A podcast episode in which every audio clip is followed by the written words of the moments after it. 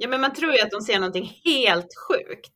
Ja. Alltså typ att det är typ, vad är det för en blob med massa tentakler eller vad kan det vara? ja. Och så Ja, är det men liksom precis. en kille med svarta ögon.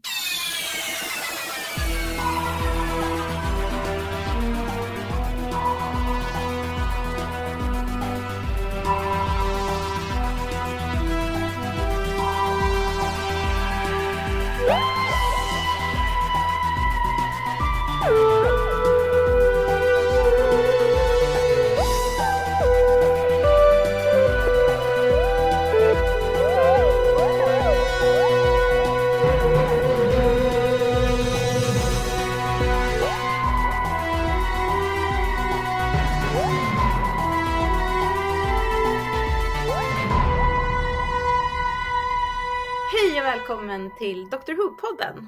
En podd där vi går igenom nya Doctor Who avsnitt för avsnitt.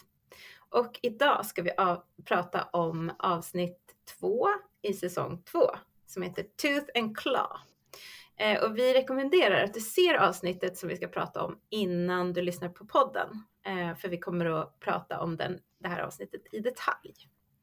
Och vi som pratar heter Elin och Malin. och intromusiken som du nyss hörde är gjord av Allan Näslund. Vill du sammanfatta det här avsnittet? Vad handlar det om Malin? Eh, Doktorn och Rose eh, finner sig i Skottland. Året är 1879 och drottning Victoria är regent eller drottning.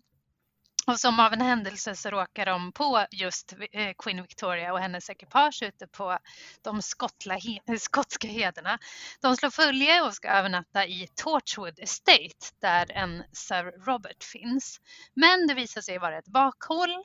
Det är onda munkar med övernaturliga kunskaper i kampsport som ser sin chans att ta makten över Storbritannien med hjälp av en fullmåne och en varulv. Men Sir Roberts far och drottningens avlidna make har eh, riggat en fälla för varulven. Just det. Ja, känner Ja. du igen dig? Ja. Eh, ja, det är ganska Jag mycket så här att, Ja. reda ut här tänker jag. Det är Mm. liksom de här munkarna, de är väldigt konstiga. Var får de sina krafter ifrån? Eh, Mm. Bakhållet. Eh, ja, det är så mycket. ja. Men det första jag måste säga då är ju så här, jag vet ju Elin att du är ju inte särskilt road av det här avsnittet va? I am not amused. We are not amused. Nej, Eh, visst är det så? Nej men precis, för vi pratade ju om att förra avsnittet det var inte så smart eh, skrivet eller det, det, det, var, det var väldigt, det var som en schweizerost liksom. I, Ja. konsekvens och logik. Men det här avsnittet, jag tycker inte att det heller, men det var ju väldigt roande. Men jag tycker inte att det här Mm. avsnittet är så värst roande heller. Vad tycker Nej. du? Nej, men jag tycker att det har sina poänger. Jag tycker att det finns eh, en hel del som var irriterande. Exempelvis de här munkarna. Som jag Mm. bara tyckte att det känd... Alltså mycket min känsla av det här avsnittet är att de är lite så här, oh, vi har en budget, vad är coolt just nu? Jo, det är coolt med kampsport och Mm. så här häftiga, det, var väl typ, eh, vad heter den, Hidden Dragon, Crouching Tiger eller vad den heter. Tiger. Hidden Dragon. Ja, Ja. som var liksom så här, så vill vi göra. Och kanske var det coolt med varulvar, jag vet inte. Men det känns ju Nej. som att det var liksom kanske drivkraften bakom avsnittet snarare än att berätta någonting. Fast jag tycker ändå att det finns vissa grejer som är bra. Jag tycker drottningen är jättebra Mm. faktiskt. Eh, och sen så tycker jag också att eh, doktorn och Rose är jätteirriterande i det här avsnittet. Men det kanske finns en poäng med det. Ändå, Okej. Vadå, är de, är de två liksom var för sig eller ihop? Tillsammans. Jaha, okej. Nej, det tycker inte jag. Nej, Eh, jag tycker, tycker tvärtom. Jag har liksom skrivit Aha. upp att jag gillar deras relation i det här avsnittet. Eh, Aha. vad intressant. Ja, men det, det jag gillar med det här, eh, liksom deras relation Mm. här, det är att de, till skillnad från i förra avsnittet så var det jättemycket sexual tension och bara oh my boyfriend, my, our first Ja. date och bla bla bla. I det här avsnittet så känns det som att de bara är vänner och att de har väldigt roligt tillsammans. Så de skojar och ehm, har, alltså jag tycker Tennants minspel i det här avsnittet är så himla himla bra hela tiden. Um, ja, Tennant är skitbra han, tycker jag. Det känns som att, mm. uh, det känns liksom som att när de, när, när Rose hela tiden, när Rose försöker få drottningen att säga I'm not amused, vilket jag inte tycker är så mm. jättekul liksom det här det tycker jag är... både och. Men eh, när hon gör det så tycker jag han, alltså det, man ser att han försöker hålla sig för skratt. Det är vid något tillfälle ja. när han liksom gör någon min där han liksom typ håller sig för munnen eller någonting. Mm. Det är mm. så bra. Alltså det ser ut som att han håller på att skratta, börja skratta på riktigt. Alltså, mm. alltså David Tennant. ja just det. Um, det gillar jag. Och sen så, ja men jag tycker om att de, de har ett ganska bra samspel och, och, och när de träffar drottningen också så är de så här Mm. Eh, först så liksom presenterar ju liksom, doktorn eh, henne för Rose och eh, sen så när de, och, då liksom håller de ju masken. Men sen när de går därifrån mm. så är de så här, vi träffade just drottning Victoria, wow! Båda är liksom väldigt ja. starstruck. Sådär. Jag tycker ja. det är kul. Vad är det du ja, jag, gillar? Eh, ja, Ska jag gå in på det nu eller ska jag ta det lite senare när vi pratar lite mer om vad handlar avsnittet om? Eh, ja, min jag som tolkning. Vad du tycker passar um, bäst. Ja. Um, ja, men jag tänkte, för jag, jag, tänkte säga några saker om avsnittet som jag tycker är ganska roliga eller som liksom har med själva, uh, ja, inte handlingen att göra riktigt. Mm. Um, men som jag tycker ändå är så här roliga att nämna. Det finns flera som stycken. Som du tycker är amusing? Uh, ja, precis. Jag var väldigt road av det. Eh, bland annat tycker jag hon som spelar drottning Victoria, hon heter Michelle Duncan och hon mm. har varit med i Doctor Who förut. Eh, 1967 var hon med i mm. Doctor Who och eh, mötte den andra doktorn. Var hon? Och då fick hon... Vem spelade hon då? Hon spelade någon tjej som de träffade i ett avsnitt och det var liksom det avsnittet var upplagt för att hon skulle bli eh, kompanjon men hon sa mm. nej. Så hon okay. ville inte det. Alltså skådespelaren fick ett erbjudande om att bli kompanjon men ville inte det. Eh, okay. Så alltså det tyckte jag var ganska roligt att hon var med på eh, 60-talet. Eh, ja, hon är, är 80 fint. nu. Eh, mm. Men då när det här avsnittet spelades in så var hon typ 64-65 eller något sånt där. Mm. Så det tyckte jag var roligt. Men hon är jättebra tycker jag. ja, hon är avsnittet. också ganska porträttlik när man kollar på, när man googlar eh, Queen Victoria. Ah, det har inte jag, jag gjort. Jag, tänkte på att hon hade så fula tänder. Jag bara, det måste de ju ha haft på den här tiden. Det var bra. Ah, det tänkte inte jag på. eh, och sen så tycker jag en annan sak som också är så här, för det har vi tagit upp några gånger förut att ehm, eh, eh, Russell T Davids är väldigt bra på att visa att han kan sitt Doctor Who. Eh, mm. Det är Russell T Davids som har skrivit det här avsnittet också. Eh, och när de, den scenen du var inne på där när eh, doktorn och Rose eh, träffar Queen Victoria så presenterar han sig som James McCrimmon från Balamori. Eh, ja. Och Jamie var ju en kompanjon också till den andra doktorn. Mm. Eh, så, så, det var också 60-talsreferens där eh, och han var skotte som reste med doktorn. Ja, det så det var lite roligt. Det var ja. därför doktorn inte körde sin vanliga John Smith utan bara utan fick lite feeling och fick ett annat. Ja, ja men precis. Och dessutom lite roligt den här Ballamore, det är en påhittad stad som eh, de har tagit från ett eh, barnprogram som sändes i Storbritannien runt den här tiden. Ett så mm. live action barnprogram. Det var också ganska kul mm. tyckte jag. Um, och sen så kan jag säga en sak till. Måste gå igenom alla saker jag har hört om det här avsnittet som jag tyckte var roligt. Mm. Men eh, Rose säger ju också där i början när eh, drottningen avslöjar att eh, hon har varit utsatt för en del lönnmordsförsök. Att, ja. Eh, att hon säger så här, oh, men lönnmord, då tänker jag inte på drottningen utan jag tänker på presidenter som JFK och så där. Och det var, mm. tänker också en referens till säsong ett där nionde doktorn är med på ett foto när presidenten, alltså John F Kennedy, mördas. Så Nionde lite... doktorn? Ja, ja, ja, nionde doktorn, mm. just det. Mm. Precis. Ja, just det, det var han ju. Han var ju med, det, var, det är typ i första avsnittet i Rose, då när den här ja. Dr. Who eh, forskaren håller på och kollar, ja, visar Rose bilder på ja. att han dyker upp hela tiden. Just det. Mm. Så det tyckte jag var, det var ganska roligt. Um. Mm. Um, fun fact sådär. ja, precis. Allt jag har hört om det här avsnittet när jag gjort min research. Uh, men uh, vad tycker du? För du sa ju Elin att du inte är så förtjust i det avsnittet, men är det någon, något mm. du tycker är extra dåligt? Finns det någonting du tyckte var, nej det här köper du inte? Um, Din alltså sämsta scen helt det, enkelt. Uh, min första känsla efter att jag såg det var verkligen att det här kanske är det första så här, throwaway avsnittet som jag känner att jag sett nu, liksom sedan vi började titta om på, på Dr. Ah. Uh, att alla avsnitt som vi har pratat om hittills har man känt har ändå haft en, eh, någonting viktigt som bär berättelsen vidare, men att det här skulle mm. man kunna skippa. Nu är det ju mm. så att de pratar om hur Torchwood grundas i det här, mm. så det mm. kanske är viktigt. Eh, mm. nu har jag inte som sagt sett Torchwood så att jag, ja, det är ju en spin-off serie så jag är inte så intresserad av Torchwood heller. Liksom. Eller det, kan, det, är lite kul, men det känns inte jätteviktigt att man vet att Queen Victoria liksom skulle vara den som grundare, men kanske. Och sen så, men annars så är det liksom inte, det är inte så mycket fördjupning i, i, i varken doktorn eller Rose, um, karaktärer eller deras relation eller i storyn i, i stort liksom, tycker jag. Mm. Så jag tycker ja. liksom att inte ger så mycket. Och jag läste också att det var ett avsnitt som kom ganska sent, att det skrevs ganska snabbt. Det var Russell T Davis som har skrivit det.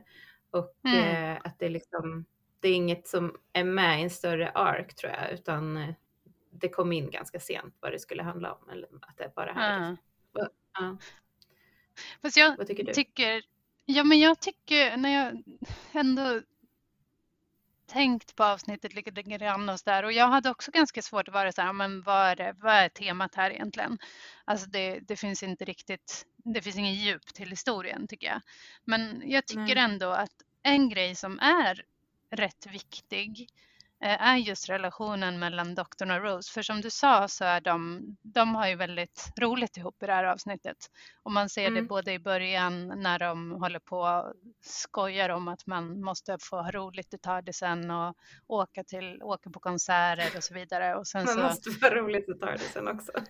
Ja men precis. Ja. Det, det känns ju inte som någonting som nian skulle sagt. Även om de också, eh, vi fick inte se det men de gjorde nog roliga resor där också, till exempel Captain Jack Rose och han. Mm. Men liksom, ja, de verkar han, kul också. Ja, även om han var kanske lite mer allvarlig än Tian är. Tian är ju mm. mera, ja men ha roligt tillsammans med Rose sådär. Men jag tycker att det är ganska tydligt tycker jag att eller det jag tänker som jag har fångat upp här som jag inte riktigt är så förtjust i, det är att de är för liksom uppslukade i vad de är med om. Att de liksom typ, mm. åh vad häftigt och vi får vara med om det här. Åh, en varulv, Queen Victoria. Och sen, men de, de är liksom så uppslukade av sina egna upplevelser att de glömmer bort att folk dör i det här avsnittet. Alltså ganska många mm. dör på hemska mm. sätt också. Blir uppätna av, eller kanske inte uppätna men liksom eh, ja, anfallna av den här eh, vargen, liknande mm. grejen. Eh, mm. Och de typ skrattar och även slutet, det här avsnittet slutar ju med då att doktorn och Rose eh, klarar, eller ja, doktorn förstår att eh, den här vargen behöver badas i, eh, få en överdos av månsken eh, och det kan den få genom eh, en typ av maskin som Dr. Sir Roberts pappa har byggt. Eh, och sen så verkar det ju som att eh, Queen Victoria har blivit biten av den där vargen. Eller i alla fall fått någon typ. Så hon kanske också blivit varulv. Vilket mm. ju är vad de ville från första början. Det skrattar de bara åt och går därifrån. Jag vet, det är så det himla liksom, konstigt. Det är så himla konstigt och då kan jag inte, alltså, och det som jag tycker är ganska bra i avsnittet är, att Victoria, hon ser ju det här. Man får ganska många scener där man ser hur hennes perspektiv på doktorn och Rose, att de är i en fruktansvärd situation alla runt omkring. Eh, liksom mm. där folk dör och de skrattar och hon tittar på det och liksom, ja hon är inte road. Men Eh, och sen har ju just den där fåniga grejen med jag har inte råd saken är ju ett exempel på hur de bara driver med situationen. Och, Ja. och på grund av det här så skapar ju eh, drottningen Torchwood för att hon ser att nej men vi kan inte ha sånt här eh, liksom, eh, som händer på jorden.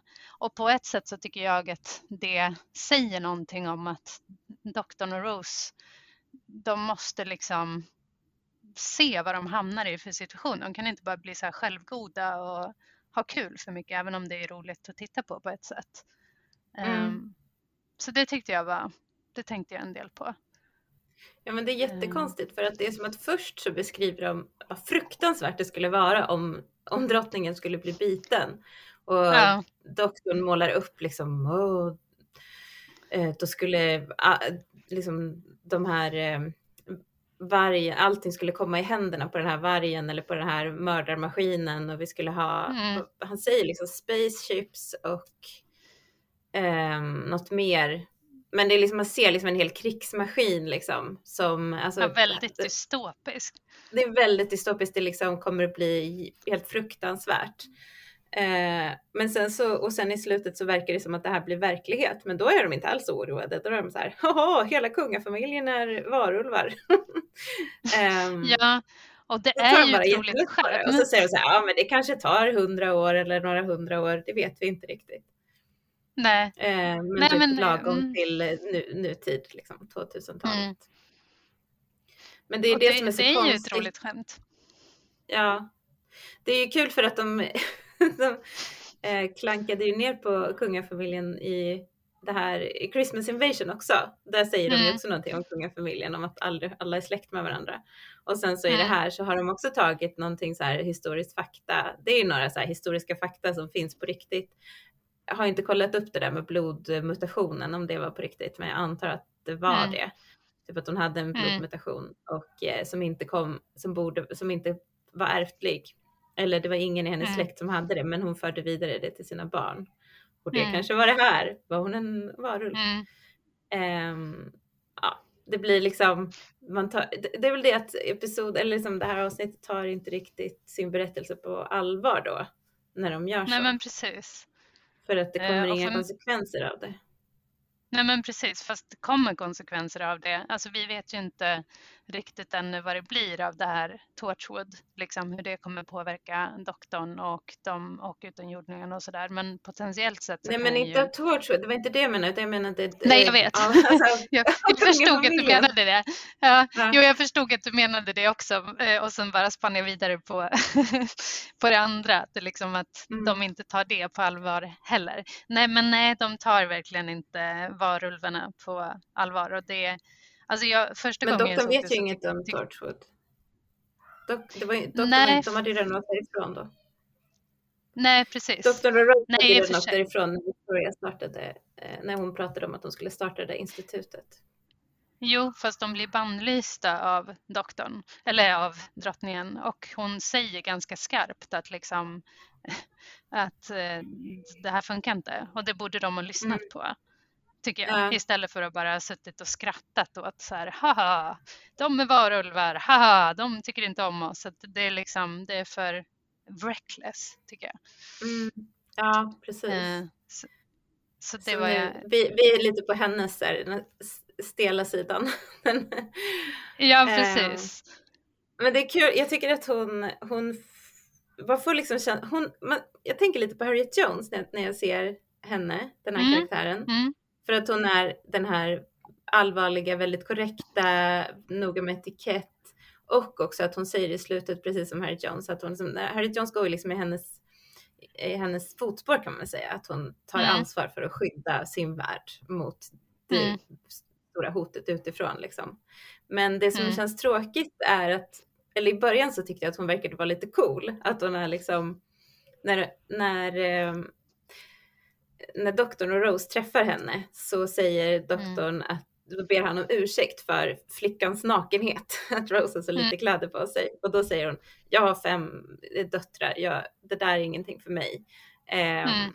Hon blir liksom lite stelare och stelare under hela avsnittets gång och det är ju säkert som du säger för att hon ser det, hon liksom de, hon gillar inte det hon ser hos dem. Mm. Men det är också att hon, ja men till exempel när den här, eh, hennes livvakt får sitta med vid bordet och äta middag så skrattar han Mm. åt något skämt som hon har och då Mm. är hon så här, ja ja du får sitta med här men du tar det lite lugnt liksom. Alltså hon tar ner honom Mm. på jorden. Hon är inte så där Mm. jättesympatisk. Nej, Ehm, jag, hon inte. Men det är säkert realistiskt. Mm, fast jag, ja, Mm. jag tror att det är realistiskt. Ehm, eller vad vet jag om drottning Victoria, men jag menar det var väl, jag bara ja, som en uh, stud- liksom, nej jag har studerat Queen Victoria alltså. Nej men jag tänker det är ju ändå på viktorianska England. Så, Precis. eh, så antagligen det hade så, varit konstigt. Men ja. det hade varit kul om hon ändå hade haft så här, alltså att hon måste hålla, följa en etikett men innerst inne är hon så här en skön tjej eller liksom en trevlig person Ja, eh, som inte Fast jag- ser ner på andra människor. Ja, ja eh, men jag tycker som sagt för mig blev det trovärdigt att hon blev mer konservativ. Eller liksom Mm. mer tillknäppt eller vad man nu vill säga allt eftersom avsnittet gick. Eh, Ja. Men jag måste faktiskt säga att, eh, för du var inne på den där middagen. eh, Mm. eh, där de sitter och ehm, de blev ju inbjudna i det här Torchwood eh, eh, bygget och ska äta middag och de vet inte att eh, hälften av eh, hushållet är tillfångataget i källaren. ehm, utan blir eh, istället serverade mat av eh, de här munkarna som har klätt ut sig till tjänare. Eh, men då sitter du och äter middag. Eh, och det tycker jag, ja, det är min favoritscen faktiskt i avsnittet. Jag tycker den är, just det där som att hon är så sirlig eh, Mm. och eh, rolig. Att hon har liksom, det tycker jag är jättebra. Och där tycker jag också att doktorn är allvarlig och alltså lyssnar och tar in vad som sägs eh, på ett bra sätt. Och sen tycker jag att det eh, drottningen säger om eh, sin avlidna make, eh, prins Albert, det tycker jag också är fint. Alltså hon verkar genuint sakna honom. Och hon pratar om Mm. att vi behöver liksom tro på spökhistorier för att det ger oss en möjlighet att, eh, eller hoppas att de, de som inte längre finns med oss, att vi kan få träffa dem igen. Typ. Och det, Ja. Men så säger hon, men så är det inte, de döda förblir tysta, säger hon. Ja, Det tyckte det jag känns som en mycket om. callback till The Unquiet Dead. Ja, Eh, det är ju lite som att så här, hittills så har vi sett att eh, avsnitten pratar med varandra. Eh, eller att de speglar Mm. varandra lite grann. Att, eh, Mm. I förra avsnittet så var det New Earth som passar väldigt bra ihop med eh, ehm, vad heter det avsnittet nu igen? Eh, the End of the eh, World. The end of the world. Mm. Ja. Och sen så i det här avsnittet så är det viktorianska England. Viktorianska Mm. England liksom verkligen. Eller Storbritannien då eftersom de är i Ja. Skottland. Eh, Mm. och, eh, och liksom det passar bra ihop med uh, The Unquiet Dead. Eller vid, vid första anblicken. Men på många sätt så tycker Mm. jag att det här avsnittet kanske egentligen går att jämföra lite mer med World War 3 och Aliens of London för att det är mycket, det är väldigt mycket så här dåliga specialeffekter, springa och jaga, ja, och inte så bra. Mm. Så på det sättet. Så. Men för jag kollade lite av hur avsnittet mottogs och då verkade Mm. folk ganska nöjda över specialeffekterna. Eh, Så jag undrar om Ja. det var bra då? Alltså när det kom det 2006? var det kanske. Ja. Ja. ja, men det är ju just den här, alltså det är ju väldigt svårt tänker jag att göra en, en eh, varulvseffekt. Eh, Mm. Och han är ju ganska läskig den här killen innan han blir varulv när han bara har svarta Gud, ögon ja. och sitter med den Jag var munk, rädd. rocken över sig. Rädd? Ja. Då ser han ju otäck ut. Och sen tycker jag liksom att själva varulven i sig är ganska bra, men jag har ju sett, alltså det finns ju ingenting som kan bli värre än eh, varulven i Buffy. Kommer du ihåg hur, det, hur den ser Mm, ut? ja, Alltså, den ser typ ut som en apa. Jättekonstig apdräkt som de verkar ha hittat Ja. på någon utförsäljning från ett halloween. Nej, det är så Mm. konstigt. Eh, så på det, i jämförelse med det så blir ju alla varulvar bra. Mm. Så Ja, verkligen. Den, den är ju stor och ja, nej, men det ser ju lite så här, det ser lite töntigt ut men det funkar. Jag, ja, jag, tycker inte så, jag tyckte att det var ganska irriterande när man fick se ljuset ur varulvens ögon så det blir lite så här eh, blått, eh, spökigt ljus. Typ. Det tyckte jag var ganska irriterande. Uh. Men annars, och så tycker jag att det är lite för mycket springande också och jagande för att det ska, alltså, uh. tyckte det blev lite Det är mycket. nog det jag tycker är sämst. Uh, allt, mm. allt springande och jagande, det, det tycker inte jag är så kul.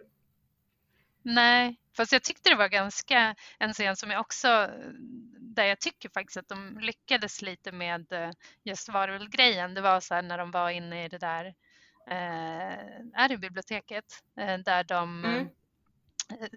Plötsligt säger, ja men varulven, vad tog den vägen? Och sen är den uppe på taket. Eh, och, ja. Eller på det glastaket och står och knackar med sina naglar. Det tyckte jag också var ganska läskigt. Ja, men också när de är på varsin sida av dörr, dörren. När man Ja. ser hur doktorn lyssnar. Eh, eller jag tror det är doktorn. Han lyssnar vid dörren. Så Mm, tog han mm. vägen? Och så ser man att Mm. varulven är på andra sidan. Sen är jätte, jättenära. Det är också Mm. ganska obehagligt. Mm. Så på det sättet så har de ju fått det. Ja, de har nog fått det ganska bra. Jag ska bara se, påminna mina barn här om att de måste vara tysta. För Mm. förra gången hördes det jättemycket. När de på. Ja, det är ju mycket spring med varulven. Eh, och varulven är ju en av liksom fienderna, eller vad man ska säga, i det här avsnittet. Och sen är det munkarna. Ja, Vi har ju redan varit inne lite på munkarna, men vad känner du för dem? Men han som är den här eh, ledarmunken, han, han tycker jag är, han är jätteläskig. Han, jag känner igen honom från Game of Thrones. Han har varit med i Game of. Thrones. Han är någon slags trollkarl där. Han har ju ett väldigt obehagligt utseende. Mm. Mm. Så, så just den liksom, skådespelaren är ju bra och läskig och passar jättebra i den här rollen. Liksom. Ehm, de andra, när de, det är så löjligt i början. Först så kommer de ju in där och så, och så säger någon vakt på eh, det här Torchwood Estate att de ska gå därifrån, att de inte, att de inte är välkomna där. Mm. Eh, och, då, och då säger de att eh, ja, ja, men vi ska liksom inta huset. Eh, och de bara, by the power of God, liksom. Och de, de bara, nej, nej, by the... Alltså de ska göra det med ren styrka och sen så sliter de Ja, av sig power of fist. Power of fist.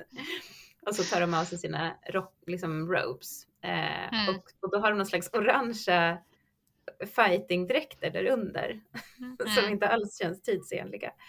Och sen så kör de i den här slowmo eh, striden och det är lite, det är lite Crouching Tiger, Hidden Dragon. Den Mm. kom ju så här 2000 eller 2001 så det var ju ganska liksom, det var ju typ 5-6 år sedan vid, här, vid den här tiden. Men den Ja. satte väl liksom någon slags trend av flera kung Ja. fu-filmer. Så det var Ja. väl så. Och så lite Matrix och lite sådär. Ja, ja, helt enkelt lite specialeffekter. De hade tydligen tagit in någon särskild specialeffektsperson för att kunna göra det här. Eh, den här scenen och den tog Mm. tydligen väldigt lång tid och var inte, blev inte som de hade tänkt sig riktigt. Nej, och den är ju helt oviktig för handlingen. Ja, Alltså de har lagt jättemycket pengar och- och energi på den och det bara är så här. Eh, det hade varit bättre om ni bara hade skippat den. ja. Ja, men munkarna, munkarna och eh, vargen känns lite. Det känns lite långsökt. Varför skulle det vara? Det är alltid, det är alltid så här i de här berättelserna att det är en massa munkar som håller på att dyrka någonting och det är de som Mm. liksom ser till att skapa. Ja, att den här får kraft och sådär. Eh, det är alltid en massa munkar som håller på med dumheter. Men Mm. Jag vet inte, man kanske kan se det som en eh, symbol för eh, extremism. Alltså att eh, det känns ju som att de här, den här Sir Robert, han, de har liksom låtit de här munkarna hållas. Även Mm. om de har inte tillåtit dem att komma in på deras område så har de liksom tyckt att okej, de är väl inte så farliga, de får hålla på med sin grej. Ehm, och sen så har de liksom vuxit sig starka i skuggan av, i, i mörkret liksom. Och Mm. Tills de har blivit så starka att de kan verkligen utgöra ett stort farligt hot. Så på det sättet så kanske man kan läsa in någonting. Eh, så, Ja, det är sant. idag. Det är sant. Incelkultur och andra extremister. Men ändå, så man förstår inte riktigt deras drivkraft. Alltså jag förstår inte riktigt vad de ska, ja de vill ha krig. Men oklart varför. Eller vad de ska Ja, det är, väl vinna för att de, det. Det är väl för att den här utomjordingsvargen då som de, som de dyrkar vill ha det. Ja, Alltså det verkar som att, för de kommer ju på sen att det är något meteoritnedslag Mm. som kom för 300 år sedan och då som var i närheten av det här, eh, de här munkarna då. Mm. Eh, och att de, ja, de, vänd, de blev väl vända helt enkelt. Ja, Jag vet inte, det är väldigt konstigt. Ja, jo i och för sig, de kanske helt enkelt eh, som troende som munkar är, liksom såg någonting helt övernaturligt och blev så här, ja men det är bäst att vi eh, ja, dyrkar det här. Men, men eh, ja, lite svårt att hänga med. Men tolkar du det som att de är utomjordiska eller fått utomjordiska krafter på något sätt eller är de bara människor? Men det är det som är så konstigt för att Ja, i berättelsen så känns det som att det är bara den här killen som har fått vargens bett eh, som Mm. blev kidnappad när han var liten och, och, och liksom, alltså så kan bli en varulv, att det är han som har krafterna. Men de har ju, har de bara tränat jättemycket så att de kan den här eh, super, nej men de måste ju också ha fått krafter på något sätt. ja på något sätt. För så det de är kanske också, också så här, är varulvar, eller? Ja, men, ja, inte varulvar kanske, men ja, jag vet inte. Eller kanske pyttelite. Svårt att förstå. Men för att det är också, eh, vad skulle jag säga, ja, men det här med att de själva kontrollerar också vargen på något sätt. De håller vargen inlåst och de har ju sett till att vargen är rädd för, eh, vad, är det, vad heter det, myrtel? Nej, Ja, eh, mistletoe, vad heter det?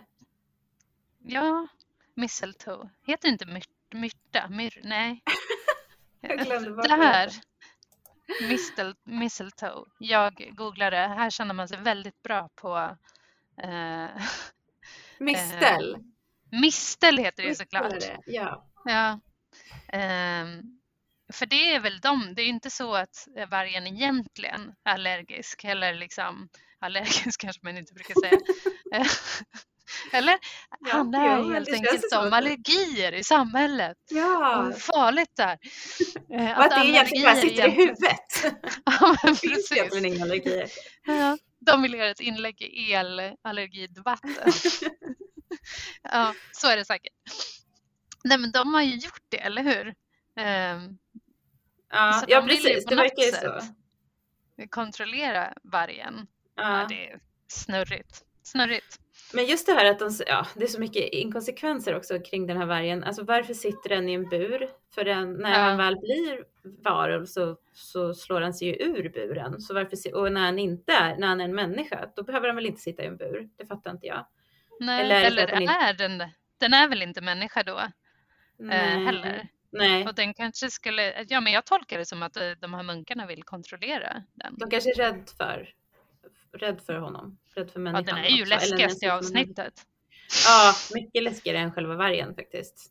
Ja, gud ja. Men- Rösten och... Mm. Ja, det är någonting med den här väldigt ljusa rösten Ja, som är väldigt obehaglig. Jag tycker han liknar i Succession, du vet, han den här Ja. äldsta sonen, eh, han som är misslyckad, han som vill bli president.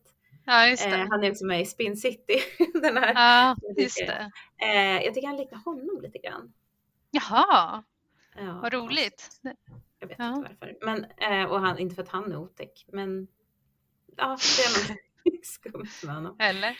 Men också Ja. så här, det, det som händer i början, liksom i introt, det är ju också att det här, liksom alla de här tjänstefolket och alla som på, på gården blir ju neddragna i källaren och så får de se vad som är i den här buren och då skriker de jättemycket. Mm. Eh, och då är det så här, men då är han ju ingen varg. Varför skriker de så mycket? Är det för att han har tittat på dem med de här svarta ögonen eller vad, vad tror du? Och han har också ruttna tänder. Eh, Ja, Jag, det är väl alla på den tiden. jo, jag vet. De bara, Men jag tyckte bara att det såg Jag tyckte bara att det tänder." såg... Ja, precis. Eh, det här är också ett inlägg om tandhygien. Eh, viktorianska eh, eran. Nej, jag vet inte. Nej, men jag tycker han är jätteläskig, så jag förstår dem. Mm. Men sen så sitter de ju nere i källaren väldigt långt från buren. Så det är Ja. svårt att förstå också att de ser det. Men jag tycker den scenen är å andra sidan ganska så här eh, läskig. Eller När stämningsfull. Ja. Mm. Ja, men man tror ju att de ser någonting helt sjukt. Ja. Alltså typ att det är typ, vad är det för en blob med massa tentakler eller vad kan det vara? ja. Och så Ja, är det men liksom precis. en kille med svarta ögon. Ja, Ja. nej men det kanske är det. jag vet inte. Det, det, det, är inte riktigt, eh, det är inte så trovärdigt ändå att de skulle, skulle skrika sådär högt över det. Jag vet inte. Mm. Men, men jag gillar ändå det här med Dr Who att de gör så här, att de tar en gammal myt, en varulv liksom som tillhör, det tillhör mm. liksom sagor och fantasy. Och så är de så här, nej men det här är ingen saga. Det här är egentligen vetenskap. Det är en utomjordisk eh, cell som har transporterats in i människan och tagit över och sen liksom växt sig starkare under generationerna. Eh, alltså mm. Alltså det kanske inte är trovärdig vetenskap, men det är ändå så här det, att det finns, ingen, det finns inget eh, övernaturligt utan allt går att förklara mm. i, i deras liksom värld, i deras universum. Ja. Ja, men du gillar det. Mm. Um, för jag kan vara lite... Jo, på ett sätt så gillar jag det, men för jag har tänkt på det lite så här, förut har jag ofta sagt att så här, men är Doctor Who, är det fantasy eller eh, vad heter det, science fiction? Och sen mm. tänker jag, ja men fantasy är ju har jag tänkt att det är när det utspelar sig förr i tiden. Liksom. Ni hör ju mina kunskaper här om det här. Men som du säger, alltså, det är ju aldrig fantasy på det sättet för allting har en vetenskaplig förklaring. Ja, jag precis. vet inte om eh, Spökena är utomjordingar, eh, varulvarna ja, utomjordingar. Och allt alla. utomjordingar. Mm. Eh, men eh, det kanske skulle vara roligt om det någon gång bara var något oförklarligt. Eh, så mm. som doktorn inte skulle kunna förklara. Men eh, ja, mm. men jag, jag håller med om vad du säger såklart. Men, ja, ähm, men det är lite kul samtidigt som det är så här, är, det är ju inte som, det är ju det att det inte är en så himla bra förklaring. Man hade kanske velat ha någon bättre, för det är också som att doktorn bara gissar, att han får reda på att det har varit ett meteoritnedslag och så tänker ja. han, oh, det kanske var en organism som överlevde och tog sig in i människorna. Och eh, så har han ju också i, bakgrunden har han, har också fått höra historien eller sägnerna om varulven i trakten. Mm. Att det är en pojke som försvinner i varje generation och mm. sådär. Så det gör väl att han liksom har lite, lite mer. Men han får ju egentligen aldrig liksom bekräftat att han har rätt. Eh, utan Nej. han gissar bara och då får vi bara köpa att han hade rätt när han gissade. Ja, för samtidigt så känns det som att direkt när han ser varulven så säger han så här, ja men det där är en ljusreglerad varelse. En ja, varglik vågvariant. Så han verkar ju också ha koll på det. Så, ja, just det. det... Ja, han kanske har stött på sådana förut. Vågvarianter. Ja. Eh, men, men du sa ju att han fick reda på det där om ett um, meteor, meteornedfall mm. och du var inne på det förut också. Det är ju en sån scen som faktiskt har blivit eh, ganska känd efteråt och blivit så här memes och sådär. Där doktorn sätter på sig glasögonen och bara eh, vi är i ett bibliotek, man behöver inga andra vapen. Böcker är det bästa eh, vapnet. ja, vad tycker du om det? Eh, älskar när han sätter på sig glasögonen. Jag älskar att han har glasögon. Eh, ja. Han är jättesöt i det. Eh, ja. Och jag tycker också det är roligt och känner mig, men det här, här är min andra så här Buffy-referens eller så. Ja. För att det, Buffy, där är det ju alltid så att de bara, okej, okay, vi har stött på den här demonen, vi måste gå tillbaka till böckerna, vi måste gå till biblioteket eller till eh, mm. The Magic Box där de, eh, där de har alla böcker och så ska de så här läsa, sitta där och läsa och läsa och läsa och leta i de här böckerna efter svaret och så brukar de alltid komma mm. fram till det. Och här är ju, det är samma sak här, att doktorn är som, doktorn är som Giles. Mm. Eh, och, eh, de, och ja, och de sitter ju och letar och kommer på saker. Och det blir lite som ett, som ett så här collage där man hör mm. olika röster som bara det här, oh, kan det vara så här? Mm, mm, mm, liksom. mm. Ja, men jag gillar det. Det är kul att de liksom researchar lite och, för att få svar på, på problemet. Däremot så mm. tänker jag att man skulle vara, det skulle vara, det är inte en ultimat situation när man har en dödlig fiende utanför dörren och sitta och läsa en massa böcker och inte ens veta om man kommer få hitta svaret bland dem. Ja men precis, det var det enda jag inte tyckte var så trovärdigt för å ena sidan kändes det som att vargen var väldigt så här, eh, liksom en sekund borta från att anfalla men mm. ändå mm. så tog de sig tid och liksom nu ska vi läsa. ska vi läsa. Eh, jag tycker det är så svårt att skumma. Jag skulle aldrig kunna göra det där. Jag skulle bara vara så här, jag måste ju läsa den här boken från perm till perm så jag inte missar, ja. missar någonting viktigt. Precis. Doktorn är ju säkert bra på att skumma dock. Ja, det tror jag eh, Så det är väl därför det funkar. Ja, och sen så har väl den här pappan till Sir Robert, verkar ju som att han var någonting på spåren så han har säkert rätt böcker i biblioteket. Mm. för att föra den på rätt väg. Liksom. Men det är ju först när eh, Victoria tar fram den här eh, diamanten som allting liksom klickar till mm, för doktorn och han bara åh allt hänger ihop nu förstår jag vi måste ner till källaren eller vad det nu inte källaren utan det där rummet. Det där uh, rummet med te teleskopet. Nej vänta, Precis. heter det teleskop? Ja. Jag tror det. Fast Just som det. inte var teleskop utan var en fälla mm. för varulven. Just det. Så det var, den, där, den där diamanten, den finns ju på riktigt. Mm. Eh, vilket ju är den, roligt. Den känner jag igen från typ Kalle Anka. Det känns som att den har varit med i, i så här, Kalle Anka eller Bamse eller sådana där uh. liksom, all, försöka allmänbilda barnserier. Liksom. Ja men precis. Ja men det tyckte jag, ja så den är ju jättekänd. Eh, världens så. största diamant en gång i tiden mm. eller något. Mm. Ja, fortfarande en av världen. Vet du vad det betyder? Koinor? Det betyder berg av ljus, googlade jag Aha. fram precis innan vi skulle börja spela in. Så det passar ju bra. Mm. Verkligen. Eftersom det är det det handlar om. Alltså att den ska, föra, den ska få, alltså förstärka ljuset. Ja, just det. Att de har tänkt till ändå. Ja. eller, eller Russell när han skriver det här. Men eh, idag så kan man ju, idag sitter den här eh, diamanten i drottningmoderns krona. Mm. Eh, men Victoria hade den ofta på en brosch som hon bar omkring ibland. Och den har faktiskt bara burits för kvinnor. Det är föreställa sig att hon skulle ha den som en brosch, den är så stor. Ja, eh, verkligen. Och eh, den men... ser verkligen ut, när de tar fram den så ser det bara ut som en sån här glaskristall som man kan köpa i vilken affär som helst för barn. Ja men verkligen, och det lär det ju vara också. Jag tror inte de fick låna den. Nej. Ja. Sen så läste jag också att eh, det är fortfarande en liten fejd mellan Indien och eh, Storbritannien om vem som egentligen äger den här diamanten där Storbritannien tycker att de har fått den på legalt sätt medan indiska regeringen tycker att det är en stöld. Eller ja. liksom att, så det, det är ju ganska intressant också.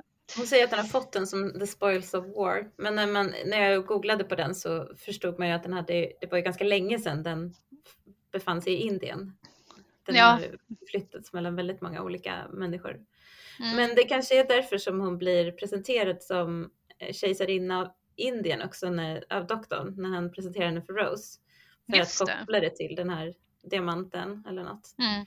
Det är mm. lite kul att hon, han säger så här att hon är kejsarinna över Indien och eh, keeper of the faith eller någonting sådär. Försvarare, defender ja. of the faith. Ja. Eh, väldigt så här, kolonialt och okritiskt. inte, Verkligen. Inte så postkolonialt av honom. Ja, för det var faktiskt en sak som jag eh, jag läste en blogg eh, om det här avsnittet eh, mm. som tog upp just att i början, det är bara en jätteliten grej i Tardisen, så när de tror att de ska till 1970-talet så säger ju doktorn lite så här 70-talet, det var fula kläder, bra musik, Thatcher, uh! Så här att ja, han inte är förtjust i Thatcher. Mm. Och det är ju många. Thatcher är ju ingen så favorit i popkulturella skildringar. Eh, heller inte, ja, det är ju inte så många som har henne som personlig favorit förutom Annie Lööf. Men, eh, har, har Annie Lööf det? Ja, det är hennes politiska förebild. Det tycker man ju är lite tveksamt. eh, men eh, i alla fall så där ger de en, käll, en känga till, till Thatcher. Mm. Men jag menar, som du var inne på så gjorde ju Queen Victoria också en del grejer, bland annat hela kolonialismen eh, med Indien och så vidare som inte var så jättebra. Men i det här avsnittet så framställs ju hon verkligen som en så här bra person eller som en, som en härlig tid typ i Storbritannien. Eh, mm. Eh, och det lyftes fram i den här bloggen som jag läste som att det är någonting, alltså det är ganska intressant hur, hur vissa historiska skeenden blir liksom dömda ut som dåliga medan andra lyfts upp bara för att historien har gått typ. Eh, mm. Att man nu kan se på det. Då var de så här, ja men om Dr. Who finns kvar om 20 år då får vi väl se något avsnitt där eh, liksom Thatcher är någon slags hjälte. Eh, mm. Så, ja. så det var någonting, det tyckte jag var en ganska rolig analys av det. Ja, men tycker du att det stämmer verkligen? Jag tycker, tycker dels inte att hon framställs som en jättehärlig person eller att det är en jättehärlig tid. Eh, däremot så är väl det viktorianska England blir väl för sig ofta liksom framlyft på det sättet att det är så väldigt romantiskt och så tjusigt. Men här tycker jag väl inte det riktigt. Jag Ehm, tycker det. Jag tycker det känns som att vi ska liksom älska Queen Victoria. Men jag tycker inte det. Jag Nej. tycker hon är jätteosympatisk. Eller hon är väldigt kall liksom. Sen så kan man ju Fast förstå henne också- varför hon är det. Men jag tycker inte hon verkar, jag tycker inte hon är något härlig. Hon är, verkar härlig i början men det visar sig att hon inte är det. Ja. Ehm, Jag tycker hon, de gör henne väldigt mänsklig när det gäller liksom att hon sörjer eh, prins Albert och sådär. Ja, men det är väl Och en sak. klarsynt. Att hon är, eh, ja, så värst, eller vadå, på vilket sätt är hon klarsynt? Ja men det är det som jag var inne på med att eh, hon ser att... Eh, eh, Ja, jag har sett doktorn ja. Men jag Ja. menar hon är ju hela tiden så här, hon tar ju väldigt mycket avstånd från situationen. Det är inte som att hon, hon tar ju ingen ledande roll och är så här, vi måste lösa det här som Harriet Jones hade gjort till exempel. Nej, hon nej men det håller jag med om. Och jag tycker Även inte om att hon, eh, just att hon förvisar dem på slutet och sådär. Nej, Jag tycker inte att hon är så härlig. Och jag tycker inte liksom att heller att, jag menar, vi har hela postkolonialismen eh, som teoribildning så att på det sättet så är väl inte det här en, en tid som går okritiskt förbi eller liksom att folk bara romantiserar den utan att se på den med kritiska ögon. Så där Nej, Nej, det är väl inte tiden kanske, det är väl mera henne. Alltså så. Men ja, Ja. där tycker vi olika helt Ja. enkelt. Ja, precis. Jag ska se vad jag, om jag hade skrivit någonting mer om henne som jag tyckte när vi ändå höll på att prata om henne. För att Rose är klädd som hon är klädd, eh, det beror Mm. på att de skulle till 70-talet, 1970-talet först. Mm. Och det här är ju inte, alltså det är väl inte direkt 70-talskläder, men det kanske är det man tänker 2006 att man hade på 70-80-talet. Jag vet inte. Ja, det är inte som att Kanske. det känns som att hon har så här klätt sig från sina egna kläder.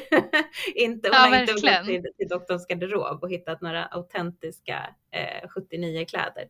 Nej, hon tittade bara i sin resväska. Ja, Vad finns precis. här? Ja, Ja. Det här med avklippta kjolar, en avklippt jeanskjol, det känns väldigt 2005, 2006. Mm. Och också det här hängselkjol faktiskt, det hade jag tror jag på den tiden också. Mm.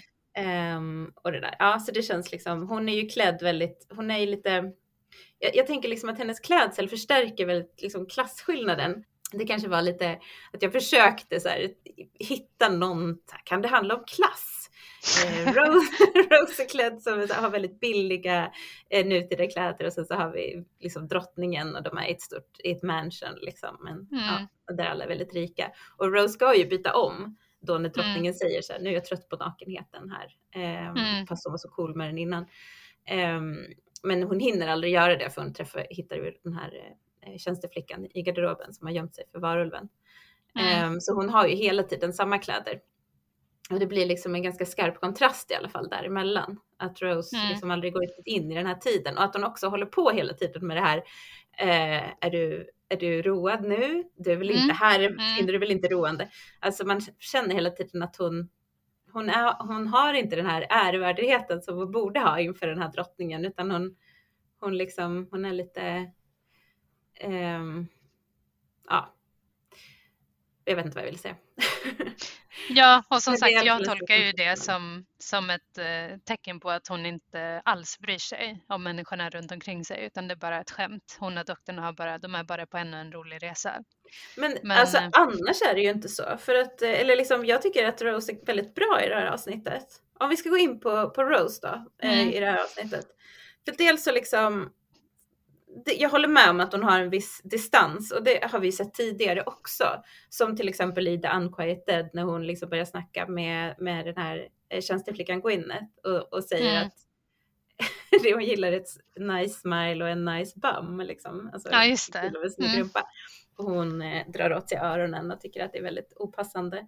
Så att hon liksom inte anpassar sig till den tiden hon kommer till, det är ju lite konstigt. Att hon inte tänker Mm. så här, här kanske jag borde tona ner mig lite grann. Mm. Ehm, men ja, hon är sig själv liksom. men sen Mm. så när hon i alla fall, när hon blir eh, tillfångatagen av de här munkarna och förd ner till källaren, då fattar ju hon direkt vad som händer. Hon frågar, hon är väldigt modig hela tiden och liksom handlingskraftig. Hon Mm. säger åt de andra att så här, nu får ni ta och skärpa er lite här. Hon säger till den här frun i huset att eh, även du måste, måste skärpa dig och liksom, vi måste försöka jobba tillsammans här för att överleva. Och hon börjar ju prata med han, eh, han som sitter i eh, buren och frågar mm. varifrån han kommer. Och då blir han också väldigt, han blir lite imponerad. Han säger intelligence. Mm. Eh, och sen så fortsätter hon ändå, tycker jag, att liksom hela, hela tiden att lösa situationen på något sätt och, och motivera de andra också. Och även sen när doktorn börjar räkna ut vad som ska hända så ifrågasätter hon ju det. Hon bara, det finns ju ingen elektricitet när de ska ladda upp det här eh, teleskopet. Och sen så kommer hon ju på att, ja, ah, just det, månljuset. Alltså hon hänger med liksom hela tiden. Mm. Jag gillar det. Mm. Alltså jag tycker att hon, hon är bra i det här avsnittet. Ja men det håller jag med om. Alltså, jag är ju väldigt tudelad som vi har märkt. Eller så att jag tycker hon, hon är en stor del i att eh, rädda människorna liksom, i det mm. här. Mm. Och hon, eh, hon tar ju hand om den här Flora som hon heter, den där eh, tjänarflickan. Just det. Tjänarflicka. Jo men hon är bra på det sättet och modig och liksom det känns också som att hon vet att hon behöver skaffa, skaffa sig kunskap eh, som doktorn sen ju också använder mm. för att lösa eh, hela eh, grejen, vad de är för varelser och sådär. Eller just vad de det, vill och, och, och, de vet precis att de vet vad de vill, att det är just Victoria de är ute efter. Mm, mm. Så på det sättet så håller jag med om att hon är bra.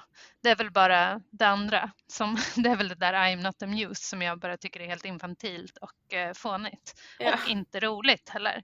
Och det var väl det som jag liksom tänkte mycket på för att, att de måste ha gjort det att det, liksom, det är ju inte roligt. Och man kan ju tänka sig att de har lagt in det i programmet för det ska vara lite så här comic relief och sådär. Mm. Att det ska bli så här roligt, roligt skämt. Men det, det faller ju så himla platt. Så jag tänker att det måste ha någon poäng att de håller på med det. Och det är därför jag har fastnat så mycket i att, att de inte egentligen tar situationen på allvar utan bara skämtar. Mm. Ja, så. kanske. Jag tror att, det är, att, att, att man tänker att det funkar liksom. Att de har skrivit in det som en, en humor, ja, ett comic relief. Att man Nej, jag hoppas inte det. Nej. Vad tycker du, när, för vi har ju liksom varit inne på hur allting löser sig eh, redan, att det är diamanten och, och, och eh, bada eh, varulven i, i månljus och sådär som får allt att lösa sig. Vad tycker du, hur clever är doktorn i den här avsnittet då?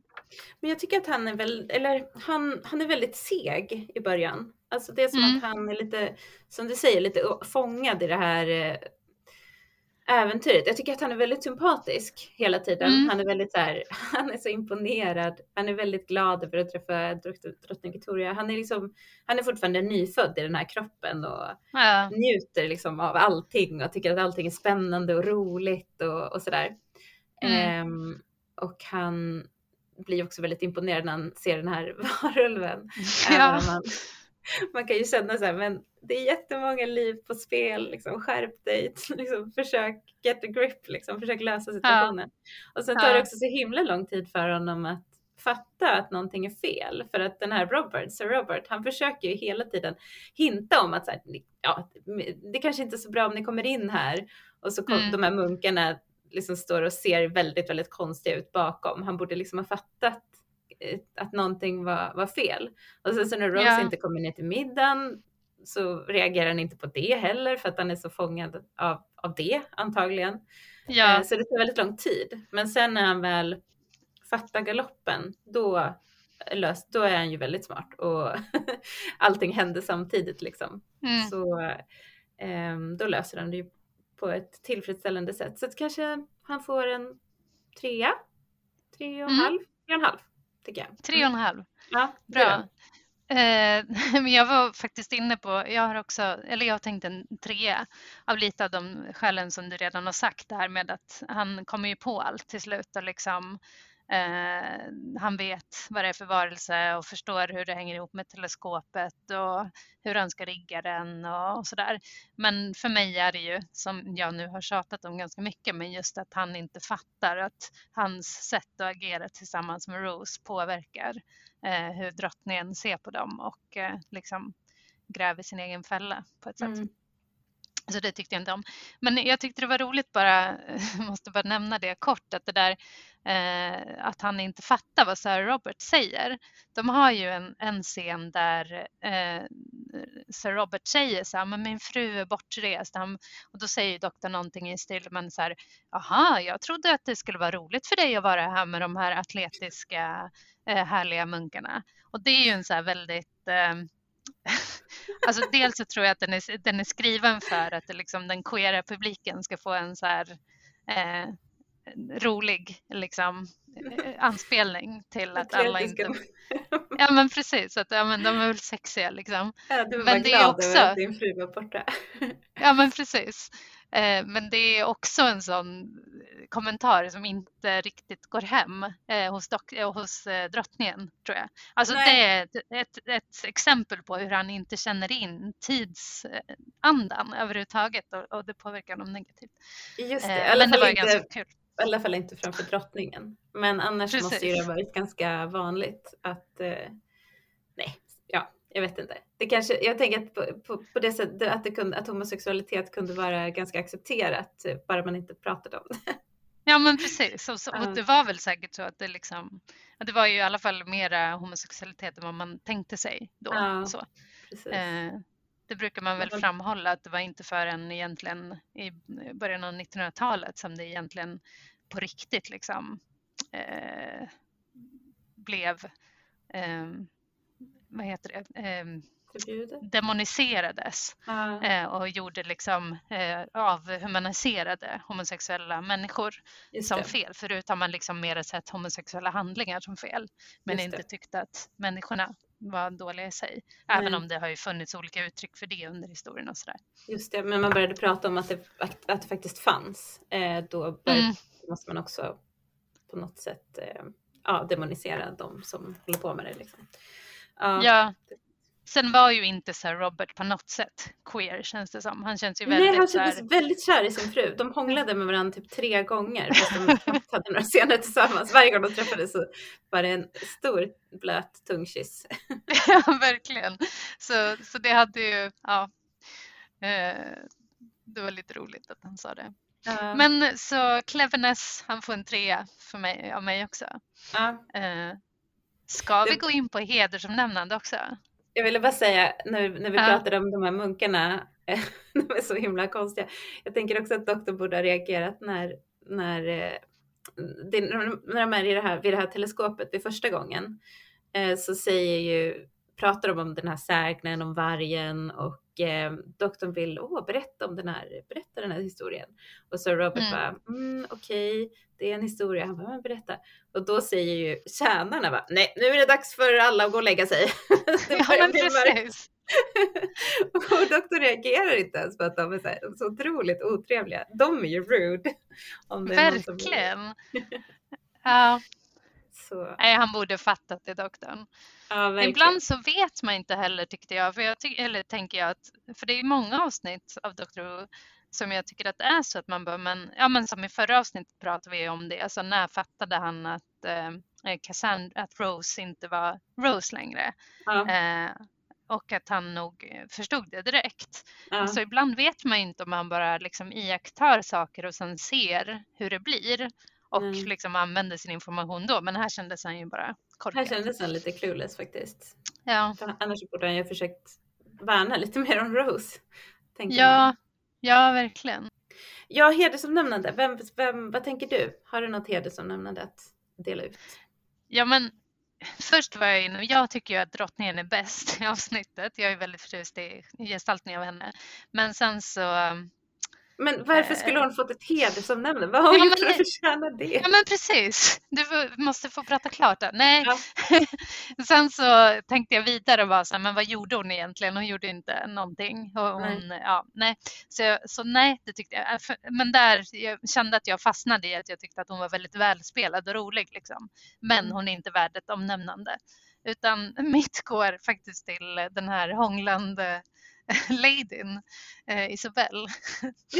eh, för att hon verkar först ganska handfallen och, liksom, och panikslagen av allt som hände och hjälplös och så där. Men sen så är det ju faktiskt hon som eh, styr upp eh, tjän, tjän, liksom hela tjänstefolket och kokar den här eh, brygden av eh, um, Misten. jag har tappat misten Mm. eh, och se till att rädda doktorn och Rose väl från att, och de andra från att bli eh, uppätna av vargen. Ja just det, för de kokar te på, på mistlarna. och Ja, ja men på vargen. precis. Mm. Ja, och det tyckte jag var väldigt handlingskraftigt. Och sen så blir hon ju, alltså det är ju hon som egentligen får lida mest av allt som händer. Hon blir ju, eller ja, det är ju flera som dör, men vi får se att ja, men hennes älskade Sir Robert dör och hon blir änka. Mm. Och sen blir hon hemlös också. Eh, Ja, hon har offrat rätt mycket. Drottningen snor hennes eh, hus och vi gör ett Ja, men institut precis. här. Hon kanske blir Ja. en av eh, de som leder institutet. Torchwood. Ja, säkert. Någon vet Ja. säkert, men vi vet inte. Nej, Nej men hon är väldigt Eh. smart hon kommer ju på det där med mistlarna helt själv. Så det är ju Ja, väldigt bra att hon ser att munkarna har typ mistlar, eh, kransar av mistlar över kroppen liksom, som täcker sig med. precis. Så det var ju väldigt Så- smart. Så det var mitt. Vem får ditt hedersomnämnande? Ja, jag tyckte inte det var helt lätt det här avsnittet, men jag tror att jag vill ge mitt hedersomnämnande till Rose faktiskt. Aha, Det var också liksom väldigt mycket tack vare henne som situationen klarades upp. Just för att hon var så pass handlingskraftig och motiverade de andra. Det känns också som hon typ motiverade Lady Isabel eh, till att Ja. liksom, eh, skärpa sig och, och ta tag i situationen och liksom försöka ta hand om Mm. sitt eh, tjänstefolk och sådär. mm, Eh, och eh, ja, just att hon direkt fattar att det här är inte en varulv utan det här, i och för sig ser han ju inte ut som en varulv när hon träffar honom första gången, men hon fattar direkt att det här är någonting utomjordiskt och börjar fråga Mm. och få reda på information som blir användbar sen och sådär. Så jag Mm. tycker Rose på det. Mm. Mm. Så jag tycker det var jättebra. Ehm, Ja. Vad roligt att vi har så olika mm, tolkningar av Dr. Rose i det här avsnittet. Det var roligt. Ja, ja verkligen. Ja, vi kan ju också säga innan vi slutar så måste vi ju nämna det som händer i början när de ska gå och titta på den här konserten. Det är därför de ska till eh, 1979, för de ska gå på den här Ja. konserten med, vad hette han? Eh, Den här, Ian eh, Dury. Just det, som har, jag googlade på honom, eller jag sökte på honom på Spotify och såg att han hade, att det var han som hade gjort Sex, and drugs and rock and roll. Du, du, du, du, du, du. Alltså Mm. den är väldigt känd. Ja, och den, den Ja. spelas väl också i avsnittet. Jaha, var det den som spelades? Alltså jag försökte lyssna. Jag tyckte det var en annan, men det kanske det Ja, men det, var. nej, det är inte den. Det är, nu ska vi se vad den heter. Eh, la, ja, fortsätt så forskar jag lite så länge. Vi har lite musikreferenser här. Nu är det inte Ja. Dr. Cosmos, utan nu är det Ian... Men vad hette han? Dury. Han heter väl Ian, Ian Dury. Jag känner liksom inte igen... Ja, Ian Dury and the Blockheads, säger de. Ja, jag, jag känner inte igen honom. Men då säger hon att han är en punk med lite rockabilly i sig. Ja, det var Ehm, roligt. Ja, precis. Men eh, det hade varit roligare. Det, liksom, det känns inte som den coola sortens punk. Det hade varit roligare om det hade varit att de skulle åka och titta på Sex Pistols eller någonting. Ja, verkligen. Hit me with your rhythm stick. Spelar. Ja. Det är lite så här när jag lyssnade på det, det lät lite funkigt liksom.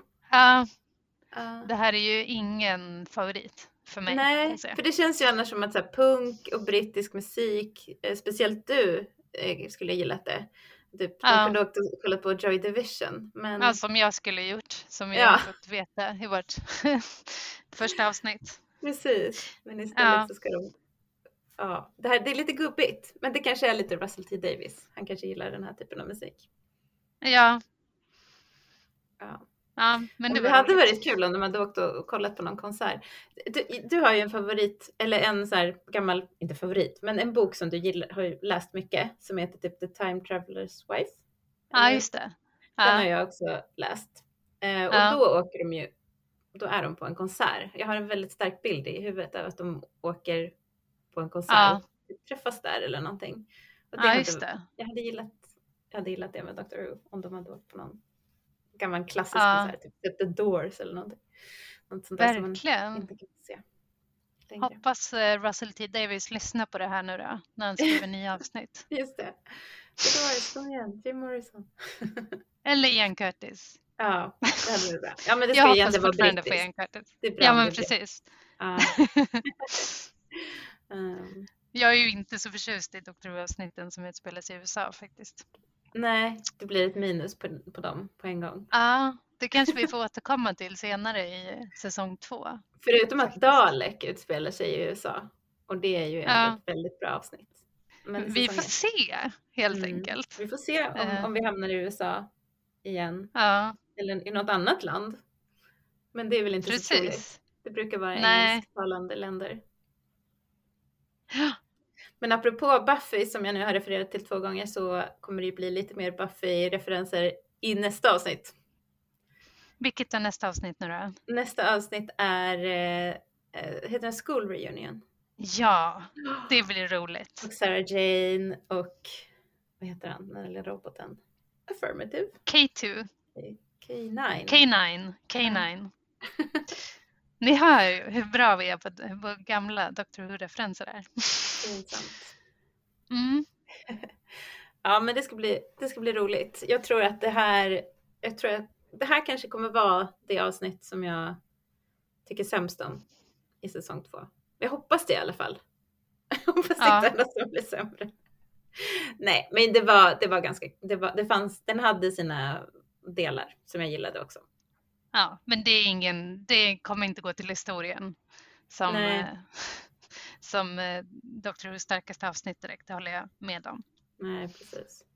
Det är konstigt ändå när det är Russell T Davis som har skrivit det. Själv. Ja, men nu när man börjar vara så här, som sagt förra avsnittet var ju lite av en katastrof också rent manusmässigt. Mm. Så man blir så här, ja. Är det verkligen börjar... bra att han ska komma tillbaka som showrunner? Precis, kommer vi få flera sådana här bara larviga avsnitt som inte eh, har någon djup? Det känns ja. jättekonstigt. Hoppas vi får komma ihåg att det fanns, han skrev väldigt många bra avsnitt från säsong ett faktiskt. Ja, precis. Och han har ju kanske utvecklats en del. Och förhoppningsvis tar med sig en, en ja.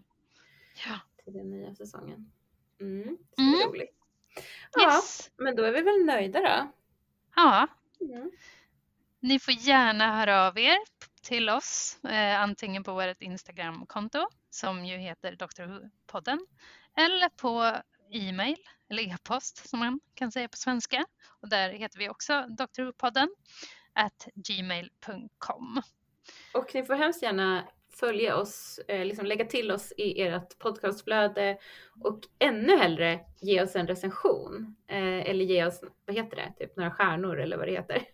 Skriva mm. någonting eller ge oss någon review. Sådär. Det vore jättekul. Då mm. skulle vi bli glada. Ja, och så fortsätter vi in i säsong två med eh, väldigt spännande avsnitt. Det ska bli kul. Mm. Men tills dess. Tack för idag. Hallå, hej då. Allons Jag vet inte varför jag sa det här.